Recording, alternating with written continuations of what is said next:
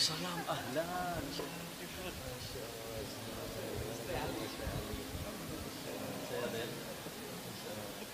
Lagi ada juga. Baru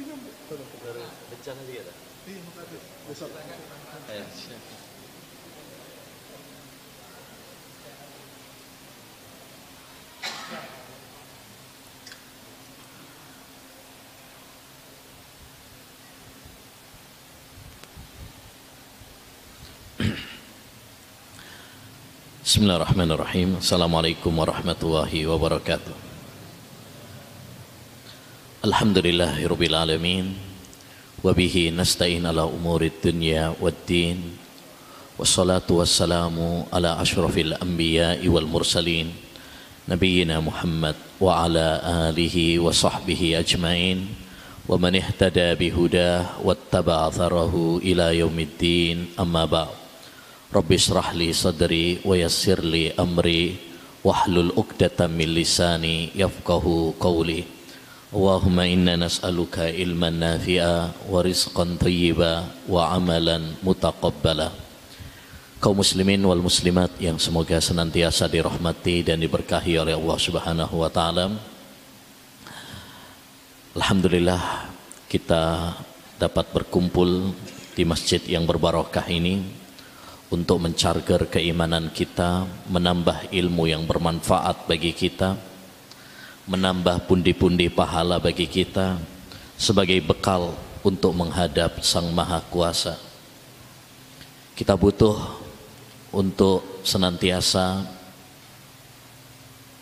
meningkatkan keimanan kita, melembutkan hati kita. Sahabat Abdullah bin Mas'ud pernah mengatakan, carilah hati kalian di tiga tempat. Saat di majelis ilmu saat membaca Al-Quran dan saat sedang sendirian.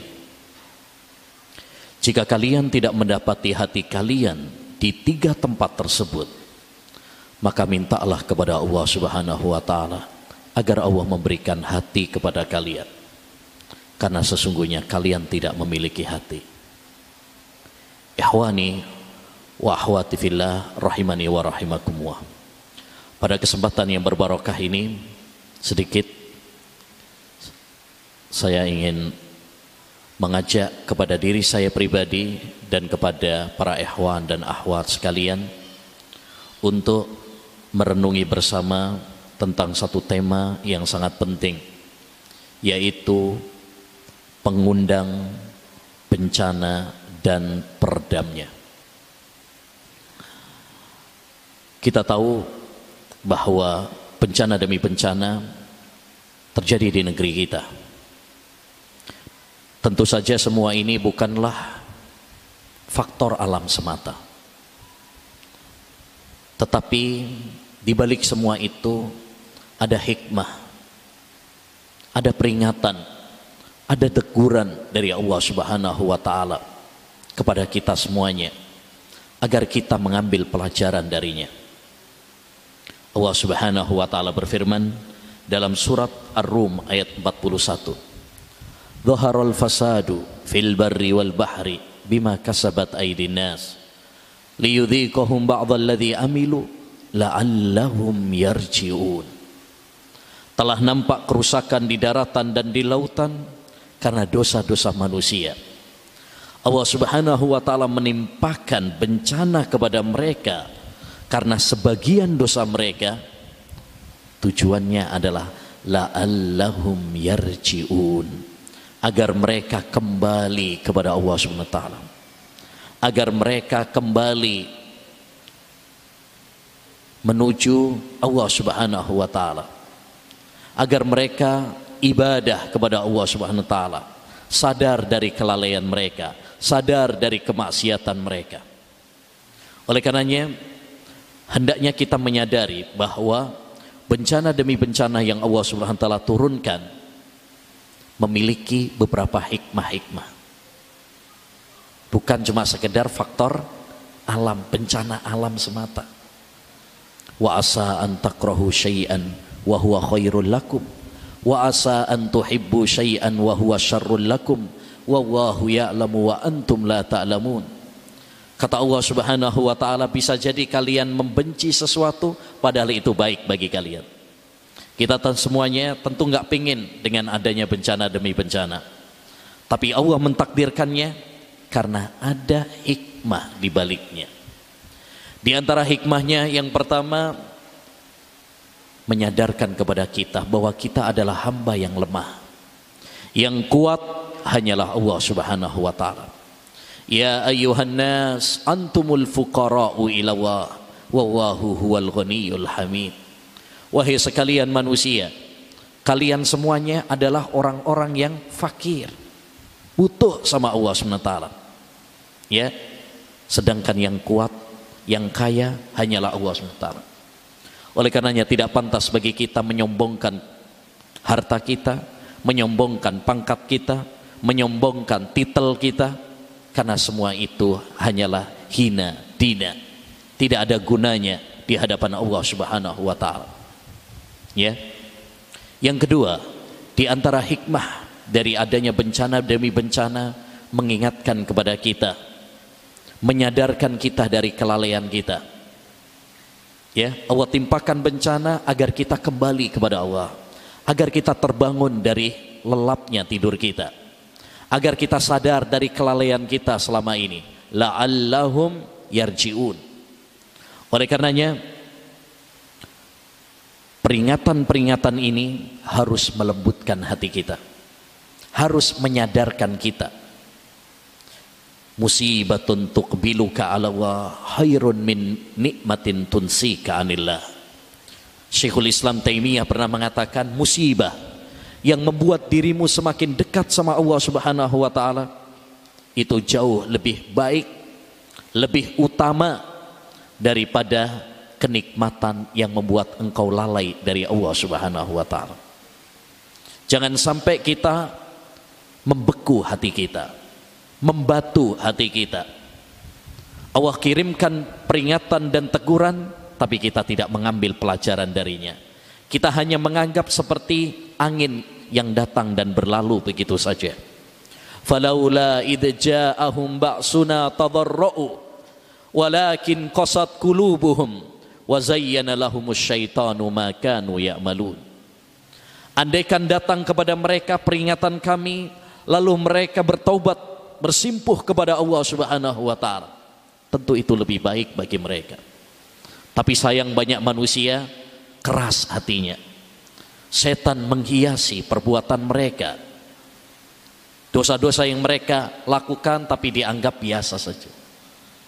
Ini orang-orang yang menunjuk yang keras hatinya, tidak mengambil pelajaran, menganggap bahwa hanya ini semuanya fenomena alam. Menganggap ini hanya sekedar ya faktor alam, nggak ada kaitannya dengan dosa, nggak ada kaitannya dengan teguran dan peringatan Allah Subhanahu wa taala. Sehingga mereka terus bergelimang di dalam dosa dan maksiat. Yang ketiga di antara hikmah adanya bencana demi bencana adalah ya mengingatkan kita kepada akhirat. Mengingatkan kita kepada kematian. Lihat betapa banyak saudara-saudara kita yang Allah panggil tanpa membedakan miskin ataupun kaya, muda atau tua. Ya, karena semua kita pada hakikatnya pasti akan mati. Kullu nafsin dha'iqatul maut. Setiap yang bernyawa pasti akan mati. Ya. Betapa banyak saudara kita betapa banyak tetangga kita betapa banyak kerabat kita ya dipanggil oleh Allah SWT terutama ya di saat bencana atau di dua tahun terakhir ini karena COVID-19 banyak yang telah mendahului kita, bahkan ustadz-ustadz kita, para syekh kita, ulama-ulama kita. Maka hendaknya bagi kita untuk selalu ingat akan kematian. Kita harus selalu ingat akhirat. Aksiru dzikrohadimil ladzat. Nabi Shallallahu mengatakan perbanyaklah oleh kalian mengingat sang penghancur kelezatan. Apa penghancur kelezatan? Al maut, kematian. Kita perlu untuk selalu ingat akhirat. Kita perlu untuk senantiasa mengingat kematian. Karena dengan mengingat kematian setidaknya ada tiga faedah yang dapat kita petik. Pertama, kita akan bersemangat dalam beramal soleh. Ya, karena kita merasa bahwa bekal kita masih dikit. Yang kedua, kita akan segera bertaubat kepada Allah, tidak menunda-nunda, entar aja nanti aja. Karena kematian ya bisa datang secara tiba-tiba. Tidak menunggu usia tua. Di kuburan tidak ada tulisan khusus yang sudah tua. Yang ketiga, di antara faedah kita mengingat kematian, kita akan kona'ah dengan dunia. Kita tidak menjadi budak-budak yang tergila-gila mengejar dunia. Apa pun yang Allah berikan kepada kita, kita syukuri. Ya, dan ini adalah resep orang kaya. Yaitu menjadi orang-orang yang kona'ah dengan pemberian Allah subhanahu wa ta'ala. Jadi di antara faedah kita ya ditimpakan oleh Allah bencana adalah agar kita mengingat akhirat, mengingat kematian. Ya, sehingga bisa melembutkan hati kita. Yang keempat di antara adanya hikmah, adanya bencana menjadikan kita ya memiliki dua hal. Syukur dan sabar. Syukur dan sabar. Syukur ketika kita mendapatkan nikmat dikasih harta dikasih kesehatan dikasih kesempatan sehingga kita bersyukur kepada Allah kita manfaatkan untuk mendekatkan diri kita kepada Allah sebelum nikmat-nikmat tersebut dicabut dari kita dan yang kedua adalah sabar. Ketika kita mendapatkan ujian dan cobaan.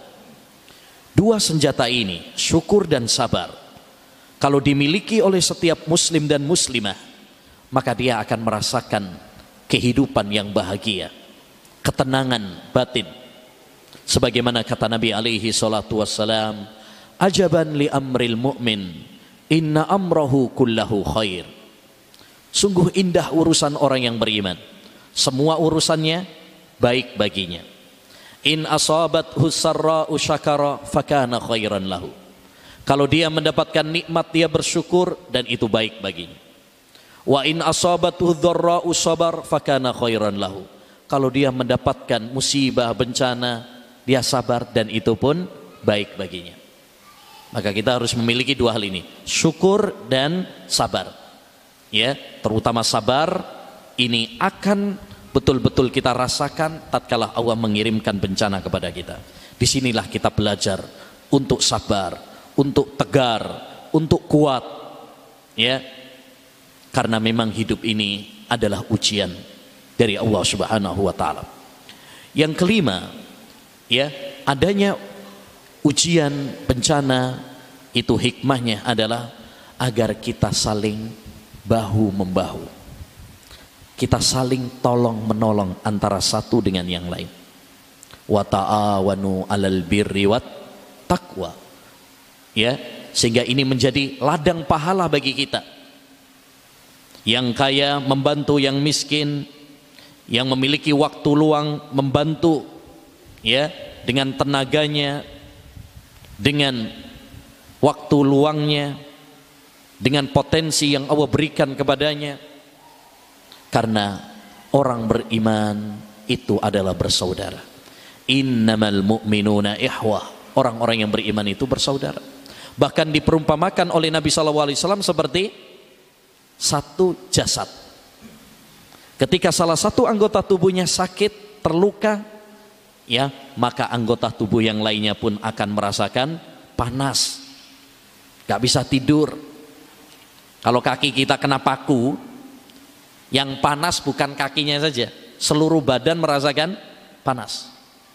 Dan itu sangat nampak ya, terutama di bencana Semeru seperti ini ya. Lihat bagaimana persaudaraan Islamiyah ya, relawan dari berbagai apa? E, penjuru di Indonesia ini ya, mereka datang semuanya untuk saling bahu membahu untuk saling bantu membantu ya. Dan ini adalah insya Allah ya tanda kebaikan bagi kita semuanya ya. Wa ahwati fillah rahimani wa mungkin kita bertanya-tanya dosa apa yang dilakukan oleh umat manusia sehingga Allah menimpakan bencana kepada mereka ya wa ma asabakum min musibatin fabima kasabat aydikum wa ya'fu an katsir tidaklah menimpa kepada kalian satu musibah kecuali ya karena dosa-dosa kalian. Itu pun kata Allah Subhanahu wa taala Allah sudah mengampuni kebanyakan dosa kalian. Andaikan semua dosa Allah kirimkan bencana kepada kita, ludes kita ini, mati semuanya. Karena kita semuanya banyak melakukan dosa. Tapi Allah masih sayang sama hambanya. Tidak semua dosa Allah timpakan bencana kepada kita. Ya, makanya Allah mengatakan wayafu angkatir. Tapi kita harus introspeksi diri terhadap musibah-musibah yang terjadi. Dosa apa yang kita lakukan sehingga menimbulkan bencana demi bencana?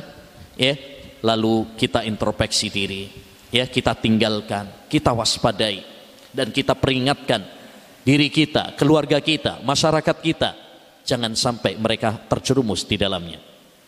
Di antara dosa-dosa pengundang bencana yang pertama adalah dosa syirik kepada Allah Subhanahu wa taala. Allah berfirman dalam surat Nuh ya mimma khati'atihim ughriku faudhilu nara. Kata Allah Subhanahu wa taala dalam surat Nuh ayat 25. Karena dosa-dosa yang mereka lakukan yaitu yang dilakukan kaum Nabi Nuh. Apa dosa yang dilakukan kaum Nabi Nuh? hulu berlebih-lebihan kepada orang soleh sehingga mereka menyembah orang-orang soleh tersebut patung-patung tersebut ya kata Allah SWT uhriku mereka ditenggelamkan kenapa? karena dosa-dosa yang mereka lakukan yaitu dosa syirik fa'udhilu nara setelah itu kemudian mereka dimasukkan ke neraka Allah Subhanahu wa taala ya maka dosa pengundang bencana nomor satu adalah syirik kepada Allah Subhanahu wa taala. Bukankah masih banyak di antara masyarakat kita yang masih terjerumus di dalam kesyirikan? Masih banyak yang ya kirim-kirim sesajen, ya, masih banyak yang kirim tumbal, masih banyak yang percaya kepada dukun, sihir, jimat, ya, dan lain sebagainya. Oleh karenanya tugas kita semuanya adalah mendakwahkan tauhid ya pada diri kita, keluarga kita dan masyarakat kita. Ya semoga Allah SWT melindungi kita semuanya dari perbuatan syirik. Yang kedua, dosa pengundang bencana juga adalah ya menyelisihi Nabi Muhammad sallallahu alaihi wasallam. Sebagaimana Allah berfirman dalam surat An-Nur ayat 63. "Falyahdharil ladzina yukhalifuna an amrih an tusibahum fitnatun au yusibahum adabun alim. Hendaknya takut kepada Allah Subhanahu wa taala. Orang-orang yang menyelisihi Nabi Muhammad sallallahu alaihi wasallam, menyelisih sunnahnya, tidak melaksanakan perintah-perintahnya, ya, tidak meninggalkan larangan-larangannya, tidak mengikuti syariat Nabi Muhammad wasallam, bahkan mereka beribadah dengan hawa nafsu mereka, mereka melakukan kebitahan-kebitahan. Inilah pengundang bencana. Bukankah masih banyak di antara masyarakat kita yang beribadah dengan hawa nafsu, yang beribadah tanpa tuntunan sunnah Nabi Muhammad sallallahu alaihi wasallam. Maka tugas kita semuanya juga adalah mempelajari sunnah Nabi dan menyebarkan sunnah Nabi, mengajak umat kembali kepada Al-Quran dan sunnah Nabi agar mereka selamat.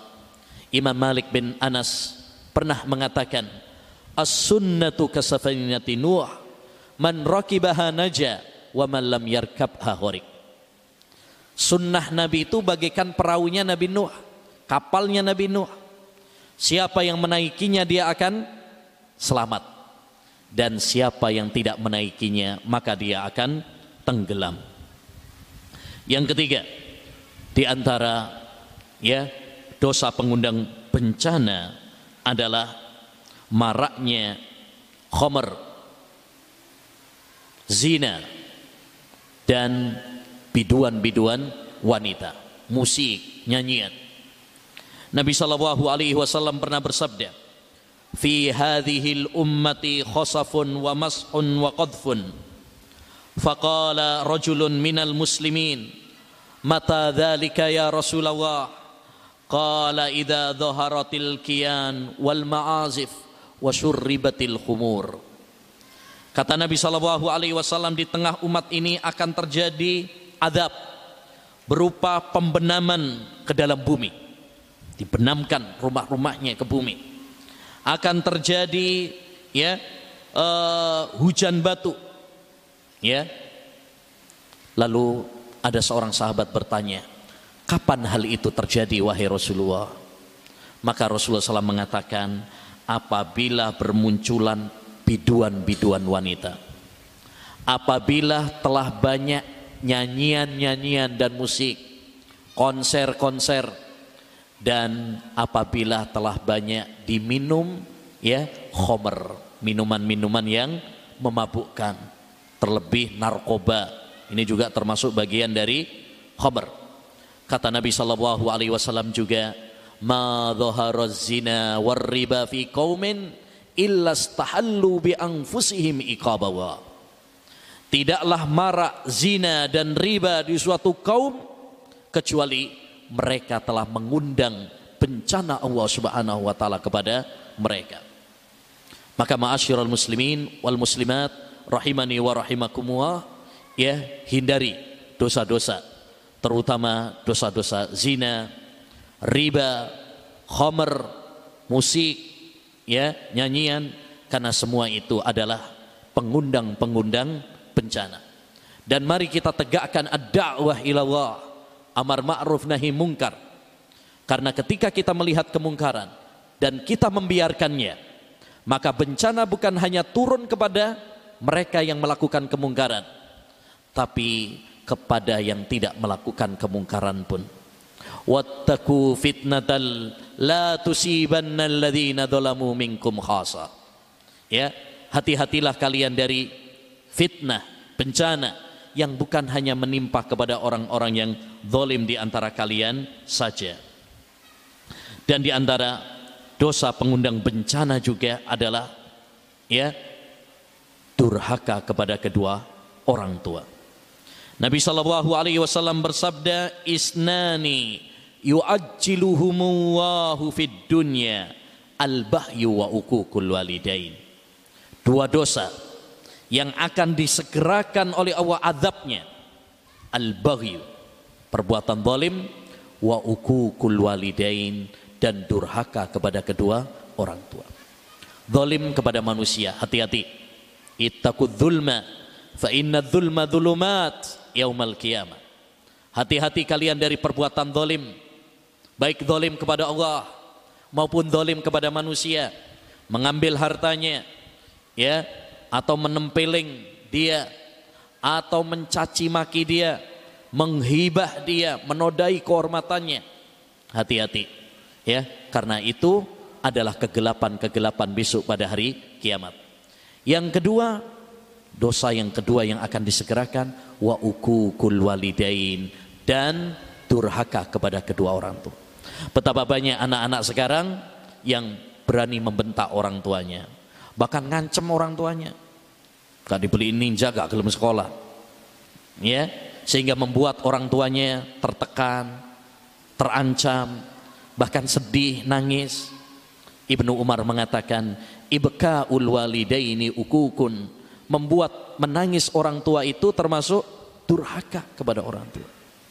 Dosa-dosa seperti ini ma'asyirul muslimin pengundang bencana Allah Subhanahu wa taala kepada kita ya maka mari kita mengambil ibrah. Karena orang yang cerdas adalah orang yang mengambil pelajaran dari apa yang terjadi di sekitarnya. Man kana dha fikrah fa fi kulli syai'in lahu ibrah. Orang yang cerdas adalah orang yang mengambil pelajaran dari peristiwa yang terjadi di sekitarnya. Jangan sampai peristiwa-peristiwa yang terjadi di sekitar kita ya tidak memiliki pengaruh sedikit pun pada hati kita. Gak ngefek, gak nyenggol pada hati kita. Ya, sehingga itu menunjukkan bahwa kita memiliki hati yang keras. Sahabat Nu'man bin Bashir pernah mengatakan, Innal halakata kullal halakati an ya'mala rajulu sayyi'ata zamanal bala. Sesungguhnya kebinasaan di atas kebinasaan tatkala seorang terus bergelimang di dalam dosa, melakukan maksiat kepada Allah Subhanahu wa taala di zaman musibah melanda. Musibah melanda itu teguran dari Allah. Peringatan dari Allah SWT. Kok kita nggak mengambil pelajaran? Sehingga kita terus bergelimang di dalam dosa. Maka itu adalah musibah di atas musibah. Ya, erupsi Semeru itu musibah. Tapi kalau kita tidak mengambil pelajaran dari peristiwa ini, tidak semakin mendekatkan diri kita kepada Allah, ya, kita tetap lalai, tetap bergelimang di dalam dosa, maka ini musibah di atas musibah. Kenapa? Karena menunjukkan hati kita membeku, mengeras, ya, membatu, bahkan mungkin mati tanpa kita sadari. Oleh karenanya ma'asyiral muslimin, setelah kita mengetahui dosa-dosa pengundang bencana, maka ada di dalam agama Islam itu obat penawarnya. Apa yang harus kita lakukan? Amalan apa yang harus kita lakukan agar Allah Subhanahu wa taala pertama melindungi kita dari bencana, yang kedua agar Allah Subhanahu wa taala mengangkat bencana yang sudah ada. Ya, di sana ada beberapa amalan-amalan yang merupakan obat penawar karena Allah tidak menurunkan penyakit kecuali menurunkan obatnya. Ma anzalallahu da'an illa anzala dawa. Allah tidak menurunkan penyakit kecuali Allah turunkan bersamanya obat penawarnya.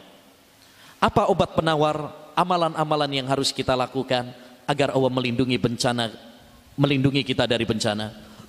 Yang pertama adalah tauhidullahi jalla wa'ala mentauhidkan Allah Subhanahu wa taala.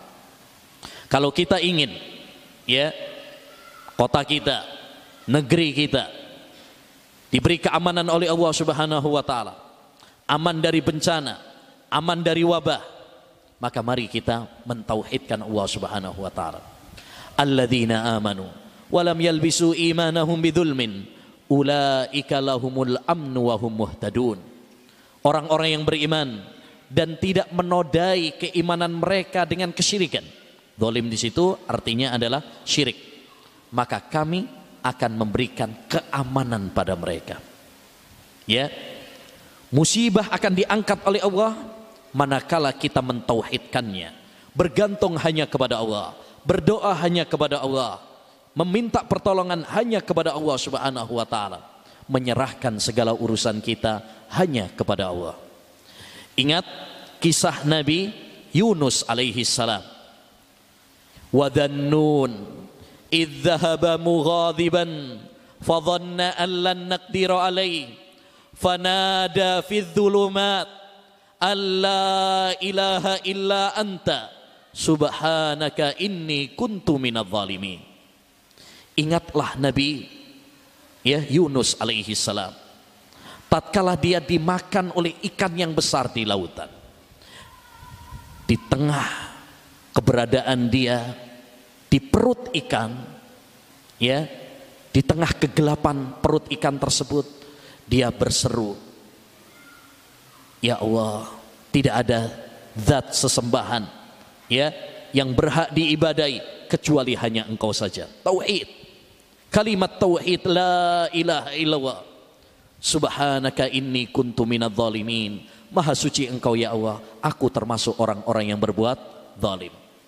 Dengan kalimat tauhid la ilaha illallah, Allah menyelamatkan Nabi Yunus dari bencana. Maka jika kita ingin selamat dari bencana, kita ingin agar Allah melindungi kita dari bencana, kuatkan tauhid kita. Ya. Caranya bagaimana? Dengan dua hal. Ya. Pertama, terus bersemangat mempelajari tauhid secara terperinci. Fa'lam annahu la ilaha illallah. Ketahuilah bahwasanya tidak ada sesembahan yang berhak diibadai kecuali hanya Allah Subhanahu wa taala. Kalimat la ilaha illallah bukan hanya sekedar ucapan yang kita ucapkan berulang-ulang tanpa kita memahami maksudnya. Kita harus mempelajari maksudnya, konsekuensinya, pembatalnya, ya. Yang kedua, hendaknya bagi kita untuk senantiasa berdoa kepada Allah agar kita ditegarkan di atas tauhid, agar kita dihindarkan dari syirik dan agar kita diwafatkan di atas tauhid. Lihat Nabi Ibrahim alaihi salam. Walaupun dia adanya bapaknya ahli tauhid. Ya, sekalipun demikian dia tetap berdoa, wajnubni wa baniya an asnam. Ya Allah, hindarkan aku dan anak keturunanku dari menyembah apa? patung. Padahal dia adalah Khalilullah. Ya, kekasihnya Allah Subhanahu wa taala. Orang yang paling dicintai oleh Allah Subhanahu wa taala. Tapi beliau tidak merasa aman. Oh, saya sudah kokoh tauhidnya. Enggak. Tetap berdoa kepada Allah Subhanahu wa taala. Yang kedua, ma'asyiral muslimin, peredam dari bencana adalah solat. Solat adalah ibadah yang sangat mulia. Ibadah satu-satunya yang Allah wajibkan di atas langit tanpa perantara Jibril. Solat adalah ibadah yang paling sering disebut di dalam Al-Quran. Seratus kali Allah menyebutnya. Solat adalah pesan terakhir Rasulullah sebelum wafatnya. Solat adalah amalan ibadah yang pertama kali dihisap besok pada hari kiamat. Solat adalah pembeda antara seorang muslim dan orang kafir. Maka kita harus menjaga solat ini dan mengingatkan kepada keluarga kita, kepada masyarakat kita untuk menunaikan ibadah solat dan jangan tinggalkan solat lima waktu. Karena solat adalah peredam dari bencana. Allah Subhanahu wa taala ya berfirman wasta'inu bis sabri was. Minta pertolonganlah kalian ketika terdapat musibah dengan sabar dan dengan salat. Ya, oleh karenanya Nabi Muhammad sallallahu alaihi wasallam disebutkan di dalam hadis, kana Nabi sallallahu alaihi wasallam hazabahu amrun fazi'ah ila shalah. Nabi itu kalau ada musibah yang menimpa, maka beliau segera untuk sholat. Demikian juga ketika terjadi gerhana yang merupakan perubahan alam, ya peringatan dari Allah Subhanahu Wa Taala. Allah mengatakan, eh, Nabi SAW mengatakan, Inna syamsa wal qamaru ayatani min ayatillah la yang kasifani limauti ahadin wala lihayatih. Matahari dan bulan itu adalah tanda di antara tanda-tanda kekuasaan Allah. Tidak terjadi gerhana matahari atau bulan karena ya e, matinya seseorang atau lahirnya seseorang. Wa innama yukhawwifu Allahu bihima ibadah. Tetapi gerhana itu Allah kirimkan untuk sebagai peringatan, nakut-nakuti hambanya. Begitu juga musibah yang sekarang terjadi di ya tempat ini itu adalah teguran dari Allah Subhanahu wa taala untuk memberikan peringatan kepada hambanya. Wa ma nursilu bil ayati illa tahwifa.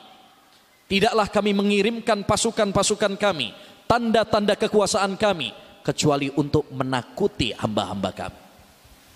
Jangan menganggap ini hanya sekedar fenomena alam Jangan menganggap ini hanya sesuatu yang datang dan berlalu begitu saja. Ini adalah teguran dari Allah Subhanahu wa taala kepada kita karena dosa-dosa yang dilakukan oleh hambanya. Allah kirimkan kepada kita agar kita kembali kepadanya. Agar kita sadar dari kelalaian kita selama selama ini. Ya. Nah, orang ketika terjadi musibah sering mengatakan, "Oh, ini gara-gara gunungnya udah tua." Ya, ketika terjadi gempa yang disalahkan tanahnya. Ketika terjadi banjir yang disalahkan hujannya, cuacanya. Ketika terjadi tsunami yang disalahkan lautnya. Ketika terjadi kebakaran yang disalahkan apinya. Padahal gunung, api, cuaca, ya, bumi, laut hanyalah pasukan dan tentara dari tentara-tentara Allah Subhanahu wa taala. Siapa yang memerintahkan gunung untuk meletus? Siapa yang memerintahkan ya laut untuk menumpahkan isinya? Allah Subhanahu wa taala. Jadi termasuk ya kebodohan di atas kebodohan jika kita menganggap ini hanya sekedar fenomena alam, tidak ada kaitannya dengan teguran Allah Subhanahu wa taala kepada hambanya. Yang ketiga, ma'asyiral muslimin, di antara kiat untuk meredam bencana agar kita dilindungi oleh Allah dan agar bencana ini diangkat oleh Allah Subhanahu wa taala adalah taubat dan istighfar kepadanya. Sahabat Ali bin Abi Talib mengatakan, "Ma nazala bala'un illa bidhanbin wa ma rufi'a illa bitaubatin." Tidaklah turun sebuah bencana kecuali karena dosa. Dan tidaklah diangkat suatu bencana kecuali dengan taubat kepada Allah Subhanahu wa taala. Ya, maka wajib bagi setiap kaum muslimin bertobat dari dosa-dosa yang mereka lakukan. Wajib bagi kaum muslimin untuk merengek meminta ampunan kepada Allah Subhanahu wa taala. Karena kita semuanya adalah pendosa. Kullu bani Adam khata wa khairul khata'in tawabun. Setiap anak Adam itu pasti banyak salahnya dan sebaik-baik yang banyak salahnya adalah yang bertaubat kepada Allah Subhanahu wa taala. Ya, maka mari kita banyak istighfar. Karena istighfar adalah tameng yang bisa melindungi kita dari bencana. Dalilnya firman Allah Subhanahu wa taala. "Wa ma kana Allahu liyu'adzibahum wa anta fihim wa ma kana Allahu mu'adzibahum wa hum yastaghfirun." Allah tidak akan mengadab suatu kaum jika engkau wahai Muhammad berada di tengah-tengah mereka. Dan Allah tidak akan mengadab suatu kaum jika mereka senantiasa memohon ampun kepadanya. Dalam ayat ini ada dua tameng yang bisa melindungi kita dari bencana. Yang pertama adalah keberadaan Rasulullah di tengah-tengah kita. Yang kedua adalah istighfar memohon ampun kepada Allah. Tameng yang pertama sifatnya sementara. Karena sekarang Rasulullah sudah meninggal dunia. Adapun tameng yang awet adalah istighfar. Walaupun Nabi sudah meninggal, tapi kita bisa melakukannya, yaitu memohon ampun kepada Allah Subhanahu wa taala. Makanya kalau yang ngerti bahasa Arab, ayat itu ada yang berbeda. Wa ma kana wahu liyu'adzibahum itu kalau dalam bahasa Arab namanya fi'il. Adzaba yu'adzibu. Berbeda dengan tameng yang kedua, istighfar Allah menggunakan diksi isim fa'il. Wa ma kana Allahu mu'adzibahum pakai mim, bukan ya. Mu'adzibahum wa hum yastaghfirun. Kenapa? Karena kalau pakai fi'il liyu'adzibahum pakai ya, itu sifatnya sementara. Berbeda dengan mu'adzibahum ini terus menerus. Ya. Nah maka wajib bagi kita untuk bertobat kepada Allah dan memohon ampun kepada Allah Subhanahu wa taala. Yang keempat amalan peredam bencana adalah doa kepada Allah Subhanahu wa taala. Wajib bagi kita ma'asyiral muslimin untuk berdoa kepada Allah Subhanahu wa taala. Doa adalah senjata seorang mukmin doa adalah ya kunci semua kebaikan di dunia dan di akhirat. Kata Syekhul Islam, ad-du'a'u miftahu kulli khairin fid dunya wal akhirah. Doa itu adalah kunci semua kebaikan di dunia dan di akhirat. Karena yang bisa melindungi kita dari bencana adalah Allah. Yang bisa mengangkat bencana dari kita hanyalah Allah. Maka jangan lupa berdoa kepadanya. Nabi bersabda, "Ad-du'a yanfa'u mimma nazal wa mimma lam yamzil. Fa'alaikum ibadallahi bid-du'a." Ya, doa itu bermanfaat untuk suatu musibah yang sudah terjadi dan sebelum terjadi. Sesudah terjadi supaya diangkat sama Allah. Sebelum terjadi supaya enggak terjadi. Fa'alaikum ibadallahi bid-du'a maka wajib bagi kalian untuk senantiasa berdoa wahai hamba-hamba Allah Subhanahu wa taala. Nabi Yunus diselamatkan oleh Allah karena dia berzikir dan berdoa. Falaula pada saat khutbah Idul Fitri pernah mengatakan kepada kaum wanita, "Inni uritun nar, fa idza aksaru ahliha minan nisa." Aku diperlihatkan oleh Allah tentang neraka ternyata kebanyakan penduduk neraka adalah wanita. Terus apa yang Allah eh, yang Rasulullah perintahkan kepada kaum wanita? Tasaddaqna ayyatuhan nisa. Ya, wahai para wanita, bersodakohlah. Kenapa demikian? Karena sodakoh bisa melindungi kita dari bahaya, melindungi kita dari neraka Allah Subhanahu wa taala. Oleh karenanya ma'asyiral muslimin rahimani wa rahimakumullah wajib bagi kita semuanya untuk bersedekah. Ya, terutama di waktu-waktu seperti ini. Wa ma adraka mal aqabah fakku raqabah au it'amun fi yaumin dhi masghabah. Ya, amalan yang paling utama itu salah satunya adalah memberi makan saat kondisi kritis. Saat kondisi banyak orang membutuhkan, keutamaannya lebih besar. Membantu sodakoh itu lebih utama. Tapi saat manusia banyak membutuhkan, itu lebih ditekankan oleh Rasulullah Sallallahu Alaihi Wasallam. Ya, karena bahagia itu adalah dengan membahagiakan orang lain. Ya, jangan sampai kita uh, sia-siakan kesempatan yang Allah Subhanahu Wa Taala berikan kepada kita. Mari kita jadikan bencana ini sebagai ladang pahala bagi kita untuk mendekatkan diri kepada Allah. Salah satunya berlomba-lomba di dalam kebajikan. Berlomba-lomba dalam sodako sesuai dengan kemampuan masing-masing. Sesuai dengan potensi masing-masing. Yang bisa bersodako dengan harta, bersodakolah dengan harta. Yang bisa bersodako dengan ilmu, sodakolah dengan ilmu. Ya, yang bisa bersodakoh dengan ya, jabatannya, bersodakolah dengan jabatannya. Dan ya jika kita tidak bisa melakukan sodakoh dengan harta, ya ingat sabda Nabi, kullu ma'rufin sodakoh. Setiap amal kebajikan itu adalah sodakoh.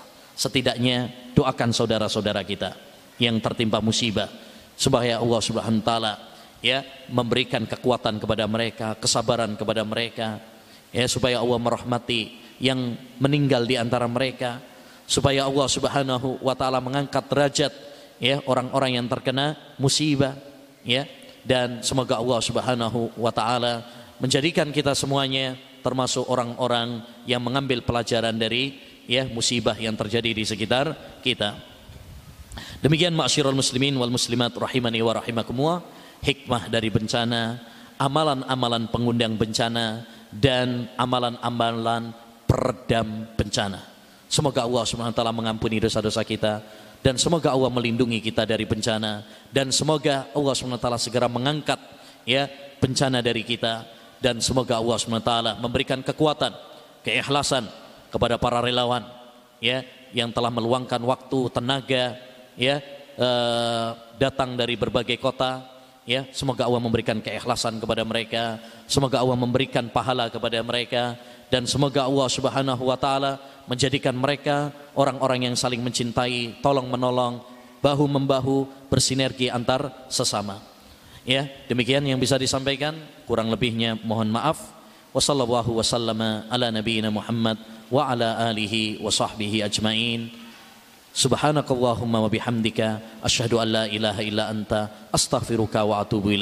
Assalamualaikum warahmatullahi wabarakatuh.